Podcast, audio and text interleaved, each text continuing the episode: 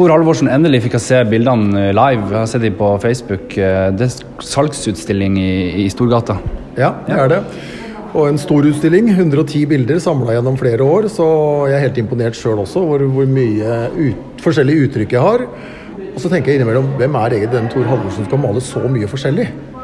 Men jeg veit hvem jeg er, så det er helt fint. Du er sikker på hvem du er? Jeg er sikker på hvem jeg er. Ja, det var det jeg tenkte når jeg liksom ser på bildene. Det er ganske så stor variasjon. Jeg tenkte, Har du gjort alt dette sjøl, eller har du flere, flere personer? Alt er gjort av meg sjøl, og jeg er litt motsatt kanskje av mange andre kunstnere. Når de finner ut at de har funnet sin stil, så fortsetter de med det resten av livet. Og når jeg har fått til noe, så tenker jeg å, hva vil du gjøre nå, Tor? Og det er som regel å gå en helt annen vei.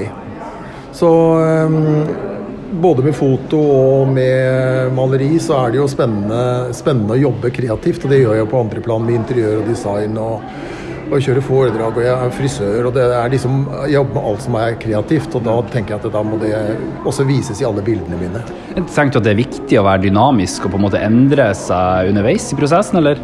Ja, jeg tenker at verden forandrer seg jo hvert sekund. Vi forandrer oss hvert sekund.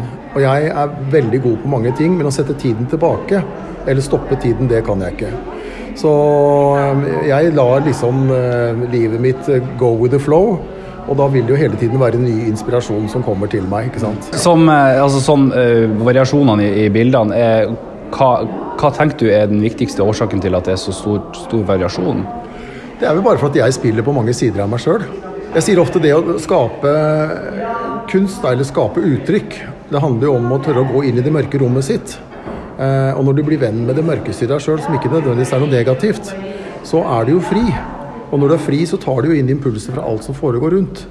Og da skal jo det transformeres gjennom kall det hjernen eller hjertet eller sjelen eller whatever. Og da kommer det jo ut i et eller annet form som er en del av dagens bilde. da. Mm. Og når du tenker på hvordan andre ting, alt fra kjøkkenmaskiner eh, til eh, biler, også forandrer seg, så er jo kunst også med på å forandre seg hele tiden med impulser fra hele verdensbildet. Jeg burde jo egentlig hatt et bilde eh, for Ukraina nå, mm. i gult og, og, blått. Det burde jeg jo hatt, i og med at vi er så prega av det nå, da.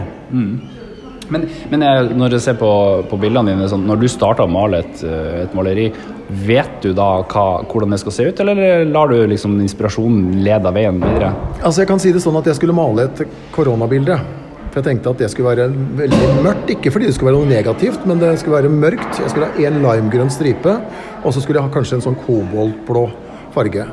Og så går jeg bort til malesakene, og så ender jeg opp med det fargerike kaoset av, av bilder der. Så én ting er når tanken er én ting, men hva som kommer ut, er ikke alltid det du tenker. Det er det bildet der. Det er det bildet der du ser på. Men det som er litt artig, det er jo at den, den Spike-koronafiguren, den er jo på en måte Jeg ser jo den i bildet. Ja, og den er ikke gjort med vilje engang. Nei, ikke sant? Nei, ja. Så det var bare helt morsomt. Så det heter Koronakaos. Ja. ja. Det er fantastisk. Det er uh, salgsutstilling uh, hvor lenge i papirhandelen sine lokaler med bobler? Da er det bobler i dag i hvert fall, og så drikker vi kanskje ikke bobler i morgen, men i hvert fall så er det åpent hver dag fra tolv til åtte. Mm. Eh, til og med mandag.